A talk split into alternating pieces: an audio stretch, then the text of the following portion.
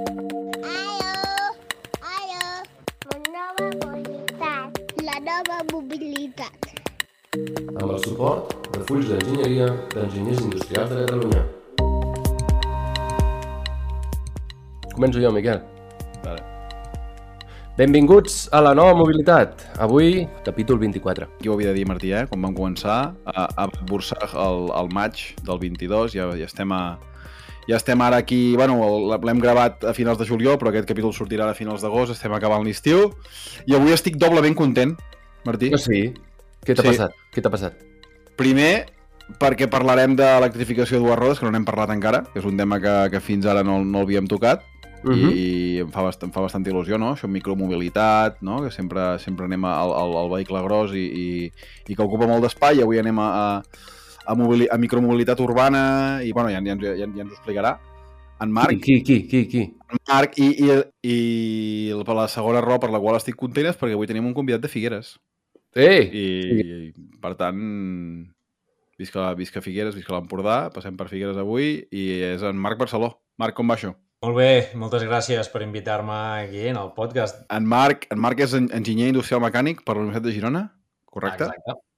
Correcte. Soc de Figueres, vaig estudiar a Girona, vaig estudiar enginyeria mecànica i, bueno, perquè era una de les meves passions, el, el, les motos, els cotxes, i vaig tirar, vaig tirar per aquí, vaig tirar per aquí. Molt bé.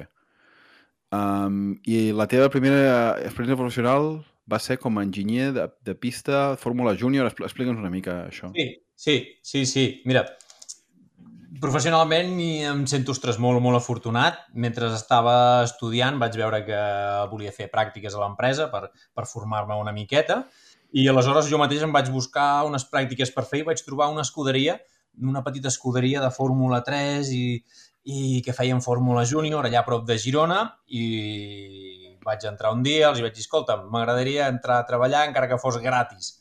I sí, sí, vam fer un conveni de col·laboració de pràctiques i vaig començar fent, fent pràctiques, però eh, vaig estar allà dos anys, eh, la intenció era aprendre, eh? I al final doncs, vaig estar-hi dos anys sencers començant mecànic, muntant i desmuntant els cotxes i, i després fent enginyer de pista ja el segon any. I anava, va ser molt intens, molt xulo. Estava acabant la carrera, ja feia unes poques assignatures l'últim any el projecte final de carrera, i, i ho combinava amb, amb això. I anàvem cada cap de setmana amb un circuit eh, de carreres, ens anàvem a fer el circuit europeu, que si Estoril, que si Magny-Cours, que si que si... Bueno, vam estar a molts llocs, a Spa-Francorchamps, vam estar a Espanya quasi totes, vull dir, molt bé, molt bé, va ser una gran experiència, molt content i la veritat d'aquí em va obrir portes als següents passos que vaig fer professionalment.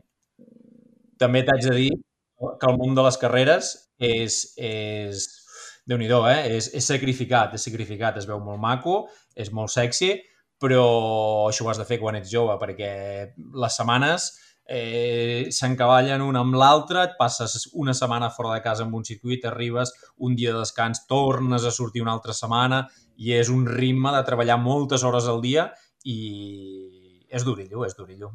Intens. De fet, hem, hem, hem parlat amb, amb... Bueno, hem tingut convidats que han fet Fórmula Student, que això és una altra cosa, una cosa que, que, que, Sí. que, que es munta ara a les universitats, no? Sí, I tu, diguéssim, que et vas muntar la teva Fórmula Student. sí senyor. No? Sí, senyor.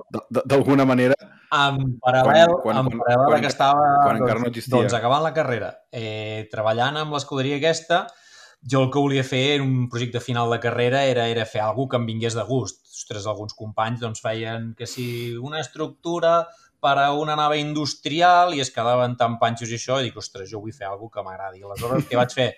Vaig muntar eh, un equip de l'EcoShell Marathon, que és una competició de vehicle de baix consum de gasolina, vale? que és una competició entre universitats i es tracta de fer un vehicle eh, seguint una normativa que ells tenen, tres rodes, màxim pes, mínim pes, ha de ser tant de llarg, tant de tal, i amb aquestes eh, fer el disseny, fer el, el desenvolupament, fer el prototip i anar a donar voltes amb un circuit a Nogaro era a veure qui dona més voltes amb, amb menys gasolina. I un gran repte perquè pensa que vam constituir l'equip. Vaig començar jo, sol, ni professors, ni universitat del costat, ni, ni, ni res, res. I de mica en mica doncs, anar trobant que si un sponsor, que si la premsa, que si alguna empresa que ens sponsoritzava i ens donaven comptes de diners ens donava material i al final vam liar un pollastre molt gros. Molt bé, vam arribar a anar a la carrera, vam, eh, vam fer un prototip des, partint des de zero mm, amb, amb, amb, amb, amb fibres de carbono, amb un motoret molt xulo, amb basculants de magnesi, molt xulo. I vam acabar fent, em sembla, si no recordo malament, 700 quilòmetres amb un litre de gasolina.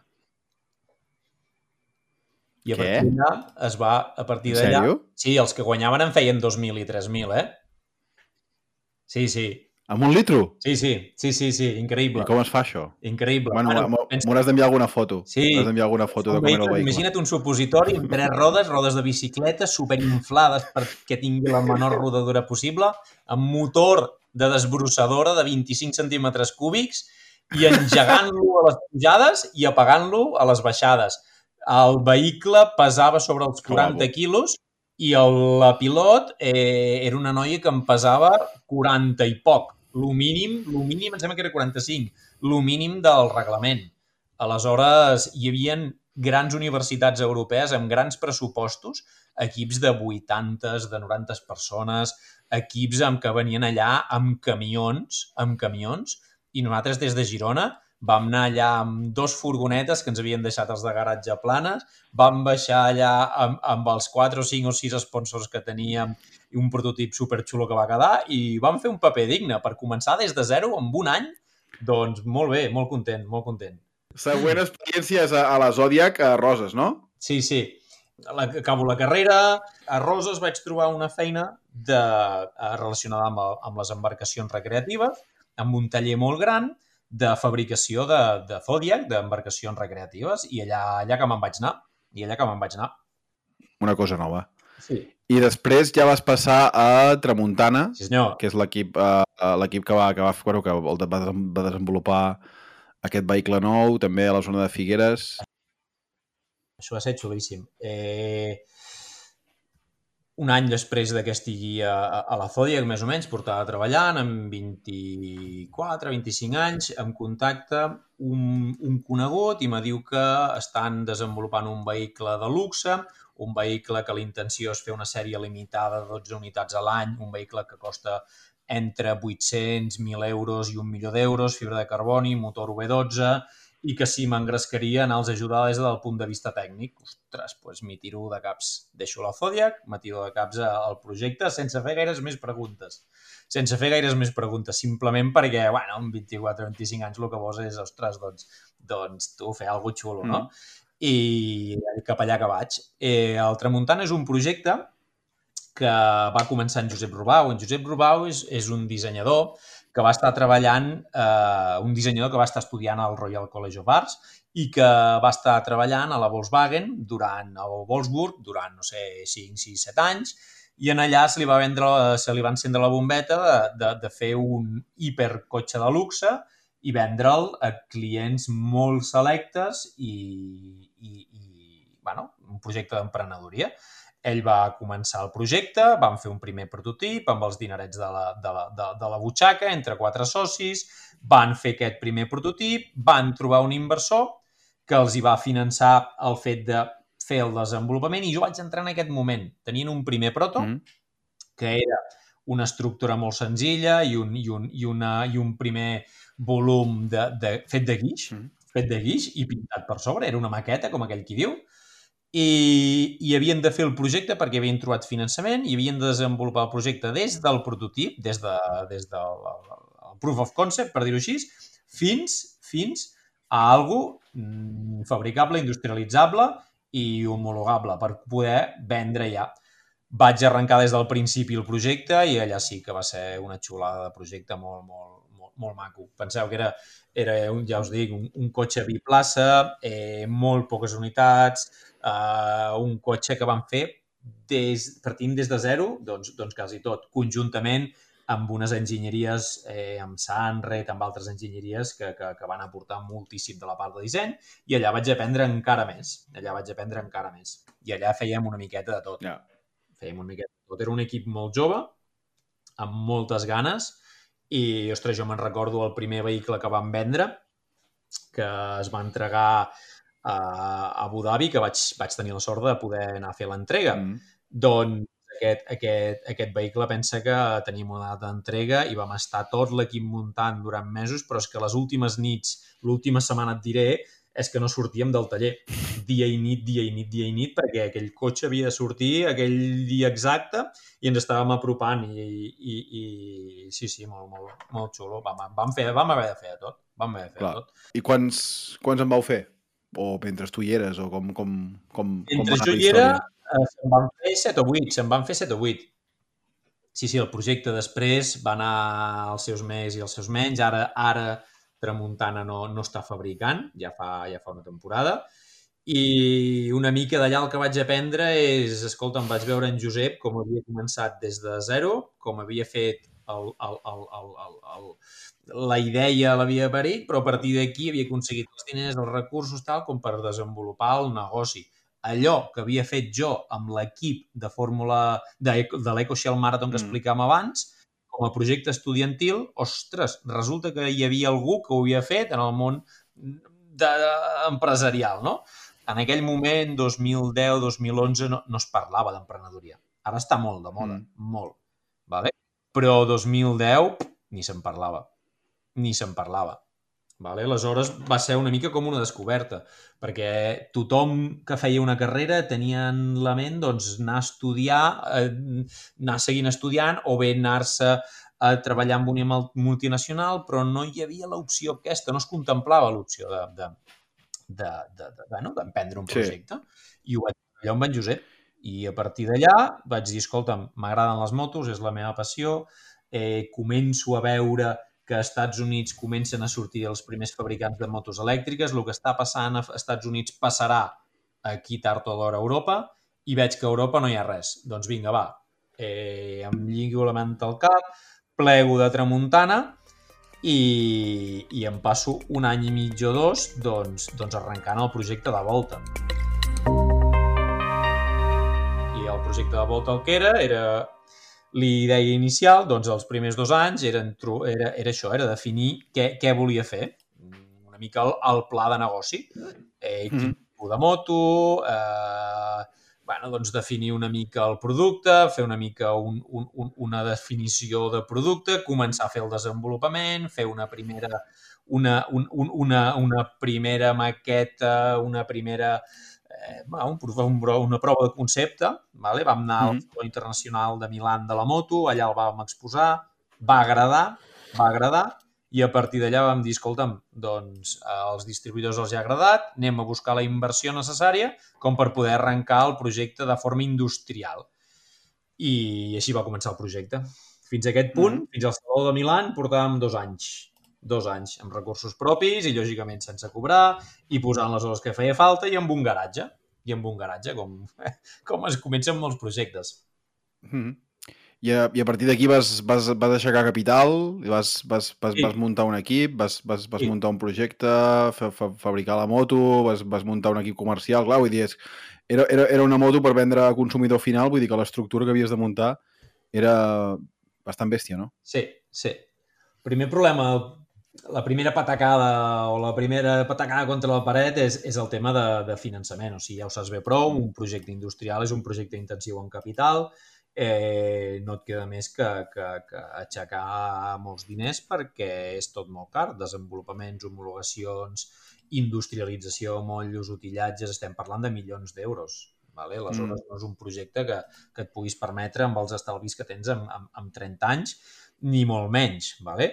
Eh, almenys no en el meu cas. Doncs Clar. el que va Quin- tocar era... Quin tipus de, de, de, de, de finançament vas, vas trobar? Mira, Eh, sí, ca- capital això- risc o com, com, com va anar això? Sí, sí, sí, sí, això és, mira, va ser... Eh, va ser el 2014, en aquell moment, doncs, bueno, les coses tampoc estaven molt bollantes eh, i vam trobar un inversor precisament en el Saló Internacional de la Moto. Era un, un, un senyor que iranià-canadenc que el que volia es va interessar inicialment amb la distribució de la nostra moto a Canadà. Eh, I li vam dir, mira, doncs, escolta'm, estem molt, molt, molt contents de que vulguis distribuir a Canadà, parlem d'aquesta distribució, però sàpigues que nosaltres això és un, un prototip, d'aquí a que puguem començar la comercialització ens queda un any i mig o dos. I a més a més, ara estem buscant finançament i el que estem doncs, és intentant de buscar distribuïdors que puguin firmar cartes d'intencions. Aleshores el senyor va dir, mira, fem una cosa, en comptes de comprar 300 motos que volia comprar, el que faré és invertir aquests diners amb vosaltres. I va entrar així, va Mm. fer una figura d'un business angels, però que en aquell moment va invertir una gran quantitat de diners en, en, en, en, en volta. Aquest va ser un dels, de, de, potser dels errors que van cometre, eh? perquè ara amb Nietzsche doncs, intento no passar per allà mateix on vaig passar per, per, per, per volta, no? almenys amb els errors intento no repetir-los. No sé, no sé encara quina és la fórmula de l'èxit, però sí que sé quins errors vam cometre. I, per exemple, aquest n'era un. Per què? Perquè era un error, Marc? L'error és trobar un sol inversor i, a més a més, que aquest inversor sigui molt gran. Vale? És a dir, la inversió la va fer tota inicialment ell, vale? aleshores ell doncs, tenia quasi un, un, un, inicialment va tenir un 30 i tants per cent, la segona ronda que vam fer al cap d'un any i pico perquè les coses anaven bé, va tornar a posar diners, ja estava més d'un 40% i a més a més amb drets a veto.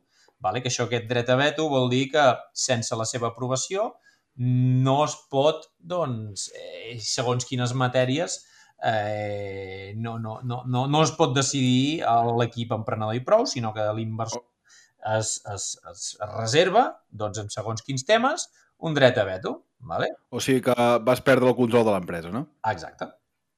Exacte. Exacte. Vale? Això va ser el principi d'anar perdent el control de l'empresa, vale? I, i, i total, perquè les coses anaven anant bé. Aleshores, en aquell moment tot, tot és perfecte, vale? doncs, doncs, ostres, hem trobat un inversor que ha posat molts diners endavant, el projecte anava tirant, la part tècnica anava bé, la part comercial anava bé, sempre s'allarga tot més del compte, sempre, si és veritat, el tema tècnic també el vam suar moltíssim, però bueno, anava avançant la cosa. La fórmula aquesta d'un sol inversor i gran és el que he intentat millorar ara Nietzsche, és, és començar amb, amb, amb una primera etapa que encara estàs en prototips, doncs fer més friends, fools and families. Ara, per exemple, amb Nietzsche hem fet una ronda crowdcube, que ja tenim tancada, ha anat molt bé, i en lloc d'entrar un sol inversor gran, n'han entrat molts de petits. Vale? Amb la qual Mm. Mm. doncs, doncs a part de que l'inversor petit eh, inverteix en tu perquè més per la confiança que té que no pas per, per, per, pel gran projecte o sinó per la confiança que té amb, amb, amb l'equip emprenedor. Això també ens, ens ajuda molt i també ens aporta um, molta gent del sector, molta gent de, de, que és empresari, molta gent que té coneixements que ens pot aportar. I això també ens ha anat bé. Això també ens ha anat bé. El, el, amb, amb Volta el que va passar és que aquest senyor el veiem un cop a l'any. I, Yeah. i, i estàvem sols, no? com aquell qui diu, i quan comences Clar. un projecte per primera vegada d'aquesta envergadura, a vegades doncs, doncs, doncs, també ve doncs, algú que, que et pugui aconsellar, que et pugui explicar, que et pugui orientar, i això és el que no, no vam tenir, no vam tenir a volta. El projecte Ah, va anar creixent i, bueno, per diferents complicacions, coses que passen, mm, eh, problemes d'inversió, doncs, doncs, bueno, la cosa es va anar complicant. Es va anar complicant. Vale? Fins al punt de que quan estàvem ja a la tercera ronda d'inversió, que havien d'entrar molts diners sobre la taula per fer créixer el projecte industrial a escala ja grossa, trobem un, un segon inversor, el segon inversor li agrada el projecte i era, un, era un, un inversor industrial que a més a més posava diners, però que no es van entendre amb el primer inversor. I a partir d'aquí van començar a venir les patacades. I a partir d'aquí jo estava quasi, com aquell qui diu, eh, veient un partit de tennis. Més el, el foc creuat en allà i no, i no podies fer massa res. Sí, senyor. En aquell moment vaig aprofitar doncs, per fer un pas al costat i començar Niche Mobility. Eh? Tema de bicicleta elèctrica. Tema de bicicleta elèctrica que feia molt de temps que, com a volta, eh, veiem que la bicicleta elèctrica anava, anava com un tiro. El mercat de la bicicleta elèctrica anava pujant a ritmes d'un 13% anual, perquè us feu una idea, a, a tota Europa es venen 5 milions de bicicletes elèctriques contra 200.000 motos elèctriques. ¿vale? Mm, ostres, i el preu mig, Sí, sí.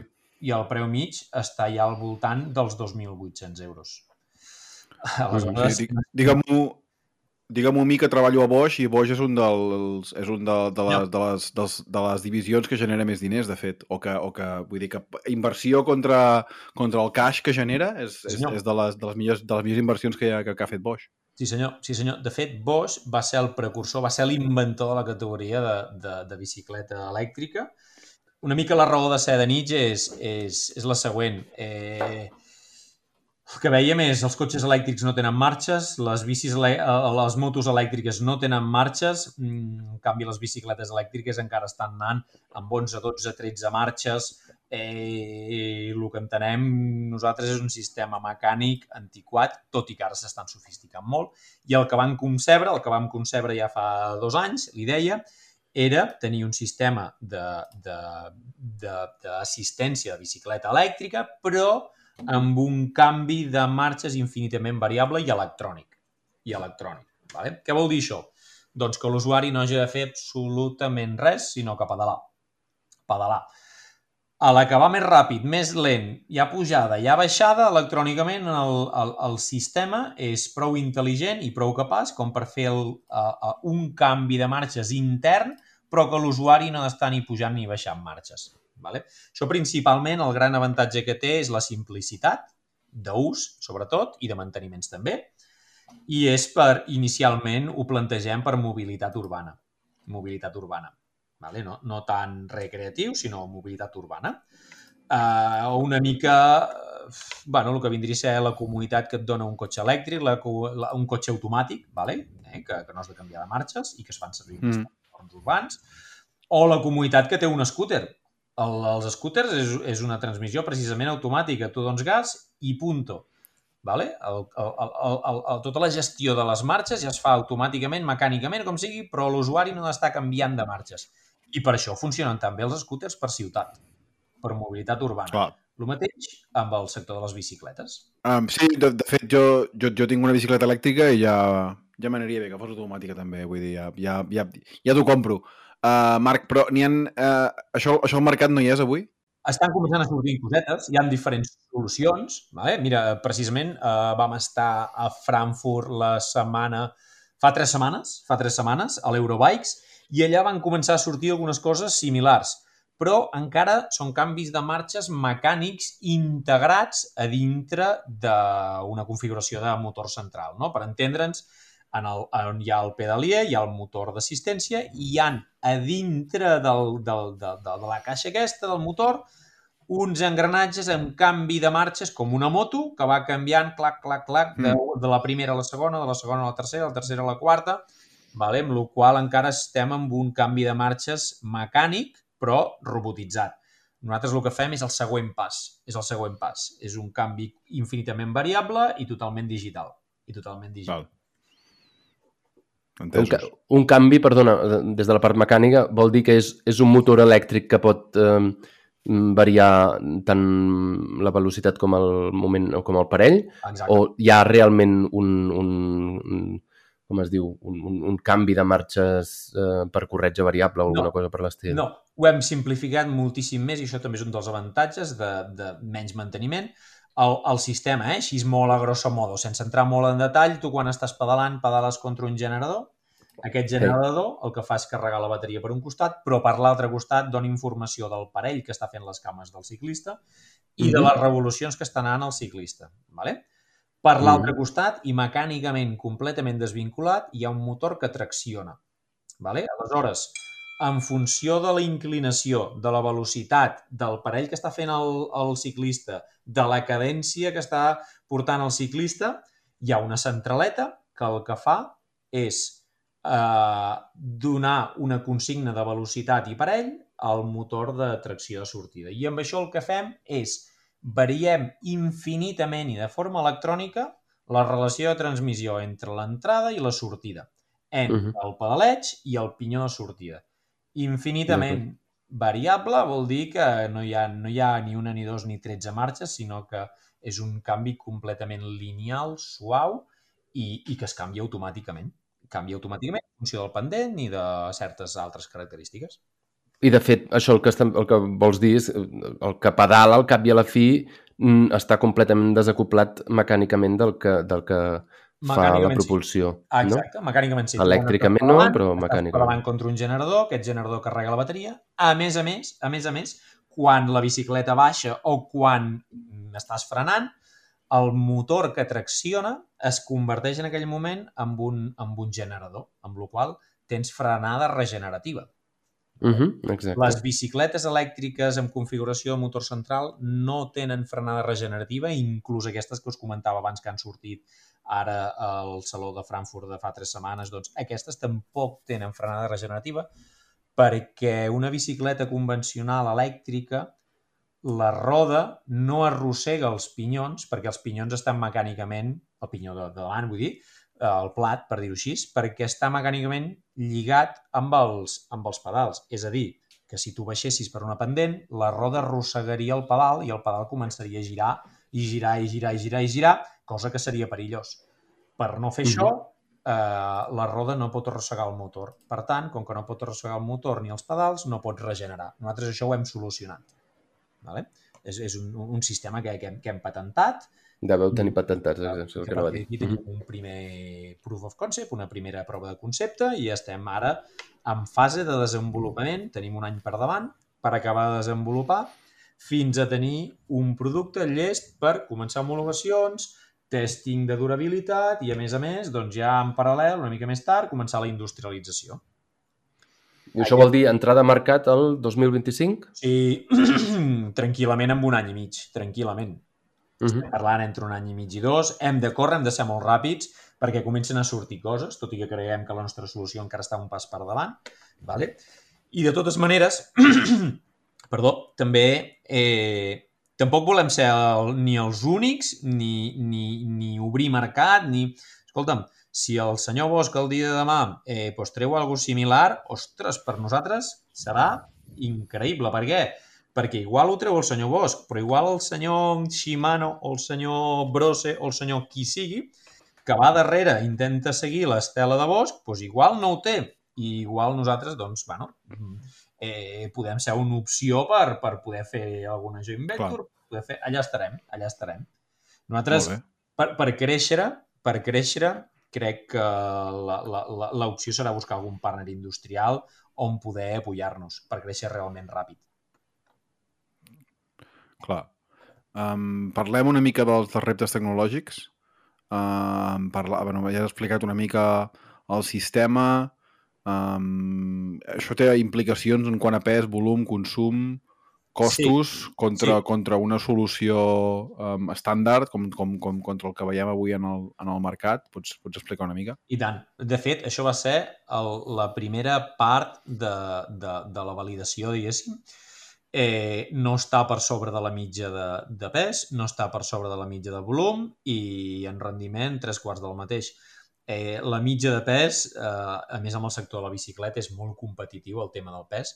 Pues saps més o menys que la que pesa menys està amb 2,8 quilos i la que pesa més està amb, amb 3,8 quilos. Vale? Aleshores ens havíem de moure per allà. Pam, ostres, eh, 3,6 quilos, perfecte, estem aquí dins.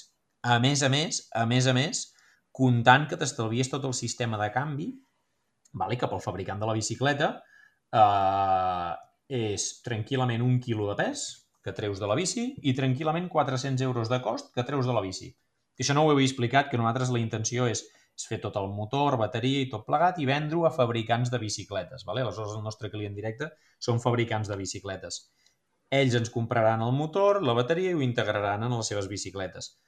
I per això ara comentava que s'estalvien comprar el sistema de canvi de marxes. Per tant, el nostre motor al final acaba sent més lleuger que la configuració d'un d'un sistema de, de, de, de motor convencional de bicicleta elèctrica més el canvi de marxes d'un quilo. Vale? En tema de volum, igual. En tema de volum no podíem fer alguna molt gros i ha sigut molt complicat compactar tot el que havíem de posar allà dintre, l'electrònica, els motors... Eh, ostres, eh, i al final ho hem aconseguit, vinga, perfecte. Ara, també ara mateix, per exemple, estem treballant i molt amb un tema del soroll. Eh, hem de fer el mínim soroll possible, eh, un altre treball que, que estarem fent tècnic i és, és dur és el tema de, de l'escalfament. hem d'assegurar que funcioni bé eh, a 45 graus, però també a menys 10 i menys 20 graus sota zero. Aleshores, ara és complicat, eh? És, és, és complex, és complex el desenvolupament. Tenim feina, tenim feina. Molt bé. Um, molt, molt interessant tot, tot el que ens estàs explicant, uh, Marc.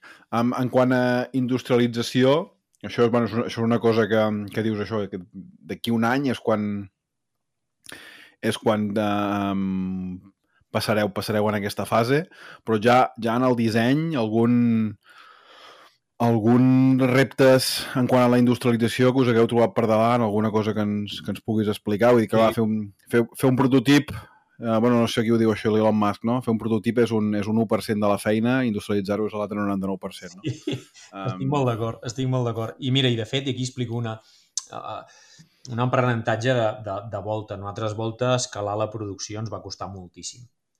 Moltíssim en quant a esforç, en quant a coneixements que havíem d'anar adquirint vale, sobre la marxa i, i és intensiu en capital. Aleshores, la nostra intenció és inicialment amb una primera fase del projecte a trobar dos o tres contract manufacturers, proveïdors, que ens, que ens, que ens fabriquin eh, sota disseny nostre, sota desenvolupament nostre, però que ens facin l'ensamblatge del motor per un costat, de la bateria per l'altre i de tota la part d'electrònica, el tablier, la botonera i tot això per l'altre.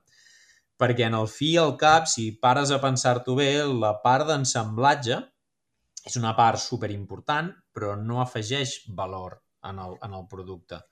Afegeix complexitat i afegeix costos i inversions. Si trobem algú Clar, que tingui aquestes capacitats ja productives, mmm, perquè ja sigui un proveïdor del sector automoció i que estigui fabricant i ensamblant des de fa molts anys. Aquest know-how el té, aquestes inversions els té, aquest personal ja entrenat els té. Ostres, a nosaltres ens simplifica molt la vida, vale? de manera que l'idea serà, durant aquest any també, en paral·lel que anem desenvolupant el producte, doncs trobar algú que ens acabi fent les bateries, sota el nostre disseny, però que ens acabi fent les bateries, que ens acabi un altre, que ens acabi muntant els motors. Disseny nostre, segurament potser portarem nosaltres els proveïdors i li direm, mira, compra això aquí, compra això allà, compra això allà, ho reps, ho ensembles i ho envies directe cap a nosaltres. Doncs aquesta serà la idea, per alleugerir una, mi- una mica d'inversió inicial al projecte. clar. És el que s'acostuma a dir uh, un build to print, no?, en anglès. De dir, eh, Exactament. això, tu els hi, dona, els hi dius mm, com ho han de fer exactament i el que és les, la maquinària de producció, doncs, mm, eh, no te les has de comprar totes, no? Exactament. I també i també per poder escalar el projecte ràpid, perquè, ostres, ojalà el dia de demà vingui un fabricant, li agradi el, el, el sistema i ens digui, vinga, va, 30.000 unitats, que vull muntar la, les meves bicicletes. Ostres, trobar un client gran i, i, i que no poguéssim proveir perquè no tenim una infraestructura industrial eh, madura, ens afrenaria molt. Amb la qual escolta'm, de moment comencem amb terceritzant la, la, la, la producció. Proveïdors locals, eh? Estem parlant proveïdors locals. Eh, El tema de bateries ja és una mica més complicat, segurament ens haurem d'anar cap a Polònia, segurament haurem d'anar potser a Alemanya, Polònia, però en canvi tot el tema de motors i això, jo ho veig molt, molt, molt factible trobar algú eh, per la zona de, de, de Catalunya, eh? sense anar gaire més lluny. Ah, molt bé. És, és la següent pregunta que t'anava a fer. Si, si, n'ana- si pensaves això anar- anar-te'n a fer a Àsia, reduir costos i això, o, No, o fer-ho sí que localment? Àsia no, Àsia no, Àsia no. Eh, amb el tema de les bateries jo crec que hi ha capacitat productiva molt bona que treballa ja pel sector de la bicicleta amb volums molt interessants, però desgraciadament això ni a Catalunya, ni a Espanya, ni, ni a prop, vale? Aleshores sí que ja hi ha aquesta indústria, aquesta indústria, doncs, bueno, a Polònia hem trobat uns quants eh, proveïdors, doncs segurament acabarà siguent allà. Vale? I un, i un, un millor battery i un uh, Vatius, per exemple, no us han pogut ajudar. No per volums i per preus. És a dir, Val. el sector de la bicicleta està en un sector de volums eh, bastant alt vale? i Mhm. preus molt competitius. Ja. Molt competitius. Vale? Aleshores, mm, hem d'anar amb algú que estigui fent com a mínim mig milió de, de, de bateries a l'any. Vale, vale. no Mhm. 10.000 bateries a l'any. Perquè la idea, almenys el nostre pla de negoci, és inicialment començar amb 5.000 unitats el primer any, ja veurem, però és que hem d'arribar a les 50.000 unitats en 3 o 4 anys, o abans, o abans. I això també dependrà del ritme comercial que nosaltres i els, i els clients que anem trobant, eh? Però volums ja d'entre 50 i 100.000 unitats l'any, ostres, mm, són petits per automoció, però segons per quines indústries i quins proveïdors, 50.000 packs de bateries l'any són, déu nhi és un, és un volum interessant. Mhm. Perquè quants, quants quilowatts hora té aquest, eh, aproximadament? Estem parlant de 2-3 quilowatts hora o no tant? No arriba. No, no arriba, no arriba. L'idea, No arriba. amb el que es mou el segment, és eh, entre 500 i 700 watts hora. I aquí tenim un Mhm. avantatge i un desavantatge. Eh? Uh, L'avantatge que tenim és que tenim frenada regenerativa, amb la qual mentre baixes o mentre frenes estàs carregant la bateria. Vale? Mhm. Pot afegir un 5, un 10% extra en funció de l'orografia, eh, també. Uh, el desavantatge és que el sistema és lleugerament més menys eficient, ja que tens un generador i ja que tens un motor. Tens dos màquines elèctriques aquí al mig. Vale? Ens Mhm. estalviem un sistema de canvi de marxes mecànic, que això també treu rendiment. Vale?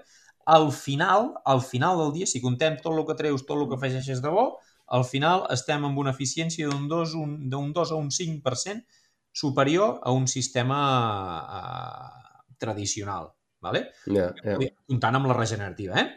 Què vol dir? Mhm. Vol dir que amb la mateixa bateria hem de treure millors autonomies. Millors autonomies que un sistema tradicional. Molt bé. Aleshores, amb, amb bateries d'entre 500 i 700 watts hora ens moguem bastant bé. Ara, hi ha l'aplicació del cargo. El cargo aquí sí que a vegades el que fan és, és empalmen dos bateries de 700 i estan sobre el quilowatt hora i mig. Aquí, Mhm. sí que, aquí sí que ja són volums, perquè clar, estàs moguent ja, no sé què et diré, 80-90 quilos de mercaderia amb una bici cargo que igual ja són 45 o 50 quilos, més 80 quilos del ciclista, ja comences a moure molts quilos, eh? I, i han de fer torns llargs. Aleshores, en les cargos sí que, bueno, doncs haurem de posar dos bateries, un quilowatt hora Però-. És, és un altre tipus de producte només per les bateries o també està dimensionat diferent tot el, el, el motor en si i, el, i, el, i la resta del sistema?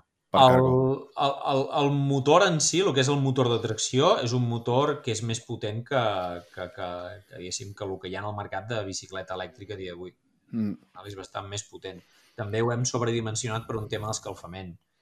Preferim Val. un motor més gran que treballi més còmode vale? perquè no es, es, s'hagi d'escalfar tant, com aquell qui diu, vale? per un tema de fiabilitat, per un tema de, de, de, de funcionalitat, eh? perquè eh, amb la volta ho vam patir molt, eh? perquè quan els sistemes elèctrics es comencen a escalfar, eh, una moto, una bicicleta no té un sistema de refrigeració líquida clar, que pugui refrigerar i baixar temperatures, amb la qual, i això és un aprenentatge que vam prendre de Volta, Volta tenia un motor que funcionava superbé fins que s'escalfava. Vale? Fins que s'escalfava. Què passa?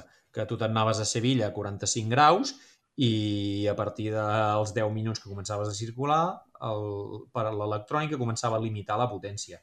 Ostres, és, i és que més no podia dissipar calor perquè perquè encara estava més, més calent, diguéssim, a fora que a dintre, no? Estava més calent l'aire que el motor. Aleshores, això sí que és algo que, que intentarem cuidar molt bé i, i veure que funcioni, el que deia, a 45 graus ha d'estar funcionant la bicicleta a tope. Jo crec, bueno, jo estic impressionadíssim amb aquestes experiències que expliques, amb, la, amb, la, amb el detall tècnic que ens estàs explicant, eh, Marc, i sobretot eh, venint, diguem-ne, del camp de l'automoció d'on venies, no? o de, fins i tot de- de- d'aquest eh, camp més eh, del motorsport al principi, eh, Sí. passant per, per eh, Zodiac, diguem, més aviat tirant cap al marítim, eh, després Tramuntana, automoció, volta, motocicleta eh, i ara el, a la bicicleta. O sigui, trobo impressionant de dir, sí que has anat, mm, com deies tu, aprenent de mica en mica a base de- d'emprendre i de- de- d'aprendre com funciona el sistema empresarial, però en canvi el que és el tema tècnic has anat canviant de camp cada vegada i les validacions i homologacions d'un cotxe, d'una moto o d'una bicicleta són completament diferents, no? De, de, de fet, sigui, sí que és veritat que és, és, és completament diferent una cosa amb l'altra, però en essència és el mateix. És a dir, eh, tema d'homologacions, per exemple, ostres, doncs eh, eh, vam estar treballant amb, amb, amb, amb Tramuntana amb Idiada. Doncs què vaig fer quan vaig començar amb Volta? Anar-me'n a Idiada. I les homologacions del cotxe eren una cosa i les homologacions de la moto eren unes altres, però el proveïdor era el mateix. Hi ha molt de proveïdor horitzontal en aquest sentit, no? I, i, i sí que ajuda, eh? Un, un sector en el següent, en l'altre. Són, són cosins germans, són cosins germans. Mm -hmm. El sector de la barca no, eh? El sector de la barca és algo completament diferent, completament diferent. Però sí que de tramuntana em vaig treure molt de coneixement que vaig aplicar a Volta i de Volta n'he tret molt de coneixement que ara estem aplicant a Nietzsche a nivell empresarial, però a nivell tècnic, tècnic sobretot, eh? un coneixement de les bateries. Mira, per exemple, Uh, les bateries, el pack de bateries de volta la fèiem completament nosaltres, el muntàvem nosaltres, fèiem servir cel·les Pouch, uh -huh. cel·les aquestes planes, muntàvem nosaltres els packs, vam desenvolupar el BMS i era suficientment complex tot plegat com per decidir que ara la fabricació la faríem a casa d'algú altre i amb cel·les cilíndriques i vull dir que sempre se n'entreuen aprenentatges, eh? Tot i que no és el mateix, però bueno, l'aprenentatge l'has tret són, són cosins germans, són cosins germans. Mm -hmm. no, però, i tot i així, de l'equip, mm, deies, bueno, o sigui, amb aquestes experiències que has anat visquent, has pogut um, recuperar excompanys o, o treballadors que havien tingut uh, volta, te'ls has pogut emportar a Nix? Sí. O... Sí. sí, sí, sí, sí, de fet, de fet, qui era l'Enric, l'Enric Delgado, qui era el, el, el responsable també del departament tècnic de Volta, eh, a la que li vaig explicar el projecte de Nietzsche, eh, va deixar el que estava fent i va dir som-hi, som-hi. I ara, mm. i ara, mm, a l'haver tancat ja la ronda de, de la primera ronda d'inversió, ara entrarem a partir de setembre amb una voràgine de començar a contractar perfils d'enginyers, enginyers electrònics, enginyers mecànics, i ara començarem a, a tocar a portes, a tocar a portes, eh? perquè jo crec que el, el, el talent n'hi ha, n'hi ha molt, el que passa que costa és atraure'l, eh?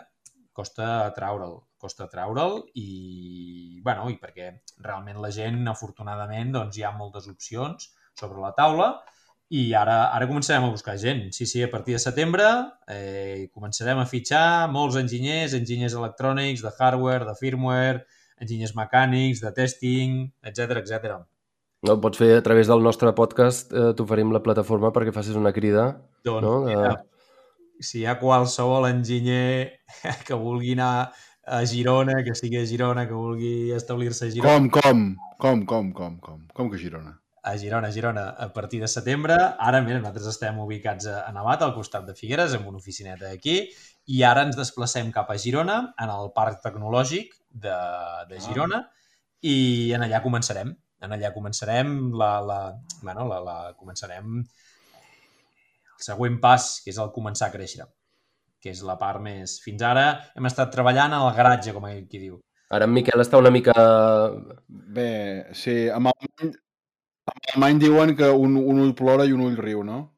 És l'expressió que fan servir per dir això. És a dir, uh, bueno, trist perquè te'n vagis de Figueres, però content perquè creixis i que vagis a, buscar més talent, no? També potser, uh, és una de les raons, potser, per les que canvieu. Uh, us, et, podràs accedir...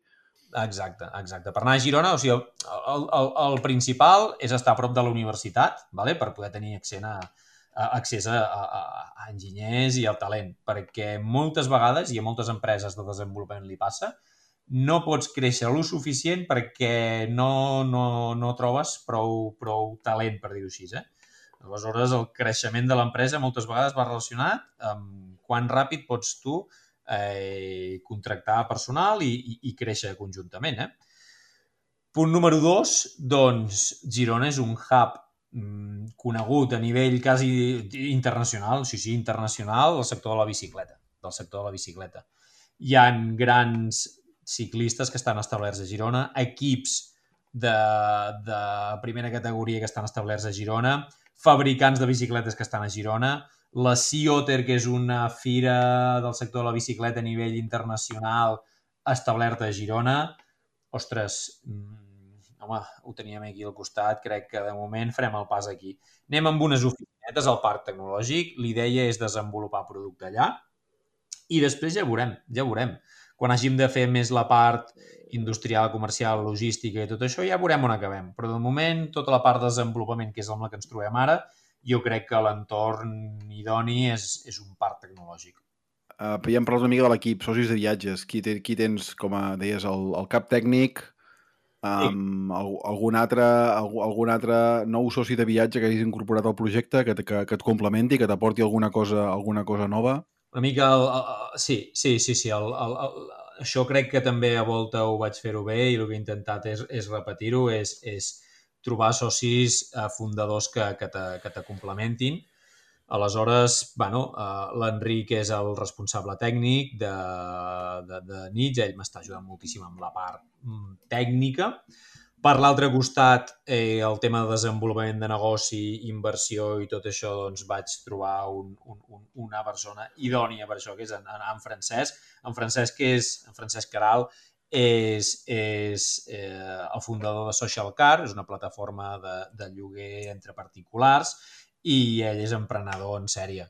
Aleshores, doncs, amb això m'ha portat molt, bueno, una visió molt bona de, de, de, i una ajuda molt bona amb el tema de desenvolupament de negoci i d'empresa, de, eh? com fer créixer l'empresa. I l'altre és del tema electrònic. Un crac amb, amb, amb electrònica, en Lluís, en Lluís Olivet, és, és, uh, és el fundador també d'una empresa d'electrònica que es diu OTC Engineering, que són d'Olot i des d'Olot doncs, estan treballant amb empreses bueno, del sector d'automoció i de la moto a nivell internacional, amb KTM, amb Bajaj, amb, amb Nissan, amb Seat, amb, amb Mitsubishi i desenvolupament electrònica de connectivitat principalment. I aquest és l'equip de fundadors. Um, potser última pregunta abans de passar al qüestionari. Um, hem comentat abans una mica l'experiència en volta amb les rondes de capital i que ara heu tingut un crowdfunding. bueno, vaig estar veient que el fèieu i de fet vaig volia posar-hi fins i tot diners vaig arribar-hi tard i ara encara me n'arrepenteixo perquè el que m'expliques, jo crec, Marc, i tota l'experiència que tens, això ha de sortir bé. Per tant, um, els, pels nostres oients, teniu pensat fer-ne algun altre, algun altre crowdfunding o, o, o com, com, com poden ajudar-vos els vostres oients en el, els nostres oients en el, en el finançament o com teniu pensat les pròximes rondes que funcionin? Sí, mira, bueno, aquesta, aquesta primera ronda, que ara estava en una fase molt, molt inicial, l'hem volgut fer amb, amb, amb, la, amb la fórmula aquesta de les tres Fs, eh? el Friends, Foods and Family. Al final eh, volíem dividir la ronda, eh, al final era de 500.000 euros, 250.000 per Crowdcube i 250.000 per, per inversors privats i, i, i al final ha, ha sigut clavat el que ha acabat succeint. La ronda de Crowdcube ja fa potser un mes que s'ha tancat i molt contents. Estem molt contents perquè això es porona molt, eh? És a dir, és a dir veure com amics coneguts, coneguts de coneguts, amics que, que contacten altres amics, que li expliquen un projecte, que, ostres, vinga, va, jo hi poso diners perquè jo hi crec, perquè jo veig l'oportunitat, perquè i això es fa a nas, eh? A nas i amb el cor, eh? Vull dir, no, no són inversors professionals, no són analistes, eh, i al final això és el que ostres, i, i gent que vas coneixent que, que, que s'enamora del projecte i ho fa per, per, tu, per, per, per això, quasi per amor, eh? I, i home, estem molt contents de, de la fórmula aquesta del crowdfunding. Eh? eh? Ells han fet la seva aportació, aquesta aportació es tradueix en capital de l'empresa. El dia que la, la participació de Crowdcube es vengui, doncs ells en trauran un rendiment. Vull dir, són socis, mm. són socis. Clar. La gent no, al principi es pensava que això del crowdfunding era una donació. No, no, no és donació, eren, són inversors, són microinversors. Clar. Han entrat des de 13 euros, molta gent ha posat 13 euros, molta gent n'ha posat 3, 1.000, 4, 7, 10, 25... Bueno, cadascú amb les seves possibilitats i, I jo li explicava a tothom, eh, ostres, és una inversió en una startup, és una inversió en general, eh? no la nostra, en general. Són inversions que són arriscades, però que si van bé pot anar molt bé. Aleshores, bueno, si teniu un capital i veieu que això pot tenir viabilitat, sobretot ha de ser uns diners que no facin anar malament si el dia de demà es perden. Vull dir que són diners Clar. que tu no hi puguis comptar i que no, et, que no et facin anar malament. Si això ho compleixes, tu creus que el projecte t'interessa, té, tu creus que té viabilitat, endavant, posi el que, el que bonament puguis i amb aquesta fórmula ha funcionat molt bé. Ha funcionat molt bé. I, i el que deia, és una responsabilitat pensa que mitja família hi ha posat diners, molts, molts coneguts, vull dir, al final, ostres, ha sigut molt, molt encoratjador, eh? Veure que, que Clar. confia en tu, en el projecte, i som-hi endavant, tu, i ostres, molt bé, molt maco, ha sigut molt maco. Doncs, Molt maco, sí, doncs sí. enhorabona, enhorabona que, que, que hagi anat bé i, i, i, i, mo, i, molta, i, i molta energia pel, pel pròxim any. Uh, i, bueno, i, i, la- pressió que tens ara de no fallar-los també. Exacte, no? Exacte, això, això esperona, eh? Això esperona molt, en sèrio, en sèrio. Sí. Bé, passem, passem a l'última part del, uh, del capítol, que és el qüestionari, uh, que són les preguntes que fem sempre als nostres convidats. La primera és hot take o opinió gosarada, al- alguna opinió sobre mobilitat, en general, algun, algun tema que, que, et vingui, que et vingui al cap que, que vulguis comentar?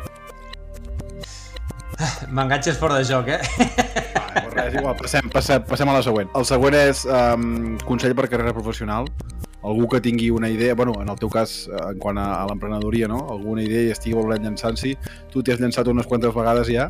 Sí, Quin consell sí, donaries? sí. Bueno, a veure, mm, no, no, no, no puc donar, o sigui, ben viscut, no puc donar el consell de llanceu-vos a emprendre, sinó que això no ha de ser un consell d'un tercer, sinó que ha de ser perquè realment et vingui de gust. A nivell professional, el que sí us diré, ostres, qui estudi enginyeria electrònica i, i se'n vagi cap a l'àrea de firmware, hardware i sigui un bon enginyer, ostres, té feina assegurada i són, i són rockstars, eh? Són, són, sí, sí, són personals que troba que costa de trobar i salten d'una empresa a la següent a l'altra, vull dir que jo crec que un rati de, de, del 100% dels enginyers de firmware, hardware, tal, estan treballant seguríssim, eh? eh? I aquest és el meu consell a nivell professional. A nivell d'emprendre, s'han d'alinear molts astres i, sobretot, mm, ho has de ser una miqueta, eh? T'ha de sortir de dins, t'ha de sortir de dins, t'ha de sortir de dins. Ja. Hi ha molta gent eh, que té Molt. moltes inquietuds i vol fer coses i pues, endavant, no és que no, que no faci por, eh? que no faci por. Però, bueno, és algo molt personal de cadascú. Clar. Bueno, la, la teva i la dels, financi... i del, dels que et financin, no? Vull dir, un, un, el problema que tenim, a, que tenim a Catalunya també és els que tenen capital no acostumen a, a jugar-se amb aquestes coses, no? Sí. Com, no com a altres llocs Sí. on, on, Sí. hi ha una, on hi ha una altra cultura en quant a, en quant a la inversió de capital risc, no? Sí. Um, Sí, això és veritat, eh? Això és veritat. Eh, sí que és veritat que, bueno, també als Estats Units doncs, ja estan havent moltes bombolles eh, de, de, del sector emprenedor i valoracions d'empreses multiplicades Sí, Per, per, uah, per molts, també una bombolla, explota, enganxa tothom. Aquí a Europa la cosa és més conservadora, no està tan, no està tan eh, per dir-ho d'alguna manera, no és tan freqüent, no?, aquestes sobrevaloracions d'empreses, aquestes rondes increïbles de milions i milions d'euros. Aquí intenta ser Bueno. molt més eficient, però és més complicat. Clar. No, ja, ja, ja, jo, jo he viscut, he viscut a la, a la Bahia de San Francisco un, uns quants anys i amb l'energia que tu tens jo et veig allà aixecant, aixecant molt de capital, Marc, eh? En allà n'hauries aixecat molt. A, a mi, a mi m'has a mi m'has venut, m'has venut el projecte molt bé, l'energia que, que aportes uh, uh, m'ha recordat una mica quan parles amb, amb emprenedors d'allà. Um, Bé. última, última pregunta. Um, com veus que s'està movent la indústria de la mobilitat a Catalunya Um, deies, tu deies, tu, tu mateix deies, no?, que, que creies que el, el, el, el, el partner, el, el soci industrial podia ser de, de la zona, no?, que creies que moltes coses les, podies, les, podi, les, les podríeu fer localment a Catalunya. Um, com, com veus que està evolucionant amb el sector de la uh, l'electrificació en la mobilitat a dues rodes o a quatre rodes, no sé, que, Home, jo, jo crec que el, el, estiguis veient. Catalunya, la indústria de Catalunya, ja des del sector de la moto, que és potser el que conec més, però també el sector d'automoció, és, és, és molt potent, és molt potent. Sí que s'ha anat perdent amb anys, però jo crec que ara la, la, la, la, l'excusa, el, el, el tema de la mobilitat elèctrica, eh, ostres, serà una nova oportunitat i estan sortint bolets molt interessants, eh? Silence està triomfant. Silence mm. és la marca de, de, de, de scooters elèctrics més venuda de tota Europa i, i carai, és un projecte començat aquí, des de zero. Xapó. Eh, i, I estan sortint cosetes molt interessants, eh? Esperem nosaltres també ser un altre bolet d'aquests, tu, que d'aquí uns quants anys diguin, ostres, doncs mira, ja és un referent del sistema de mobilitat elèctrica. I Mm. sé, Seat s'està posant les piles també, molt bé. L'altre dia anunciava que faran una nova planta de, que gastaran 600 milions d'euros en fer una planta de, de bateries. Uau, Mm, Japó. I tot això, al final, acaba generant indústria auxiliar. I aquesta indústria auxiliar és la que al final ens acabaran muntant a nosaltres les bateries o els motors o el que sigui i, i n'acabem sortint beneficiant tots.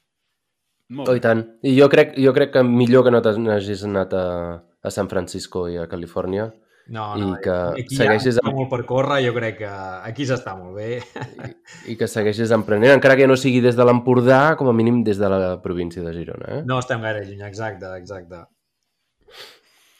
Molt bé. Molt bé. Moltes gràcies, Marc. Jo, la veritat, crec que, eh, ho deia Martí Bats, no? Eh, ens ho hem passat molt bé, el, parlant a, a nivell tècnic de, dels reptes, del cas après a volta, de com ho implementes ara a Nix. No sé, jo crec que, jo crec que hem fet un molt bon capítol, no, Martí? Sí, sí, no, m'ha sorprès molt gratament, la veritat. Eh, de vegades, eh, o sigui, molt sovint estem eh, fent capítols amb gent repartida pel món i de vegades tenim a casa, a Catalunya, eh, històries eh, tan rellevants com la que ens has explicat avui, eh, Marc, i amb això et desitgem moltíssima sort i moltíssim d'èxit en aquest nou, eh, nova aventura amb Nix i Moltes gràcies. bé, potser, potser mm, paral·lelament obriràs un altre eh, negoci, no sé, perquè et veig jo també eh, amb una sèrie de... Dir, I ara el que em queden és fer avions, eh? Ja tothom m'ho diu. Ja has fet barcos, Ojo. motos, cotxes... Eh, Ojo. Tu, eh, ara queda avions, ostres. Ojo, que tens, que tens no, no, amics No m'hi posaré, que- no m'hi posaré. a la província de Barcelona i tens els amics de Volt, eh? Sí, que fan en Bernat, Exacte, fan bateries Sí, sí. per avions de, per, i vitiols. I tant, i tant. Vull dir que... Un dia ens, ens hauries d'explicar com, com us ho feu per conèixer-vos entre tots, eh? Si... Bueno, mira, en, Bernat de Volt, precisament, eh, en el projecte que vaig començar de l'Equaxial Marathon a la Universitat de Girona, ell va ser un dels que va seguir el projecte el següent any que jo ho vaig deixar-ho, que ho vaig deixar ja tot diguéssim llest, pam, vaig plegar, i ell va continuar el projecte amb la part de la carrosseria de fibres de carboni. I d'allà ens coneixem. I a partir d'aquí en Bernat se'n va anar a Gran Bretanya, va obrir una empreseta allà, després va tornar... Vull dir que, Sí, bé, un dia, un, dia, un dia hi hem de parlar amb els de Volt, amb en Bernat, eh, vull dir que... Aviam. Cas d'èxit, cas d'èxit, sí, sí. Molt bé, doncs moltes gràcies, Marc. A vosaltres, eh, moltes gràcies per l'entrevista, per tu, perquè has sigut un, un ple, en sèrio. I Miquel, acabem el capítol també amb música figarenca. Avui tot sencer, figarencs. Eh? Sí, sí, sí, és el grup uh, Pelut uh, de Figueres, que de fet, mentre ho estava comentant amb en Miquel, en Miquel López, que el, que, que el conec, li, li, li vaig demanar si, És, és el que canta, el cantant. si, si ens... No, va, toca, toca el baix. Uh, la guitarra. Que, és- que, si ens, que si ens donava permís uh, per fer servir la cançó i m'ha dit uh, bueno, la, la farem servir per un, per un capítol amb un Figuerem amb Barba Sol. Sí, home, ja el conec, jugava amb ella a bàsquet. Però no sé, que, Casualitat. que tot- sí, sí. tot acaba lligat, tot acaba lligat. Així que avui, uh, mil històries de pelut, que vagi molt bé. Fins aviat. Vinga, fins aviat. Gràcies, Adéu. adéu.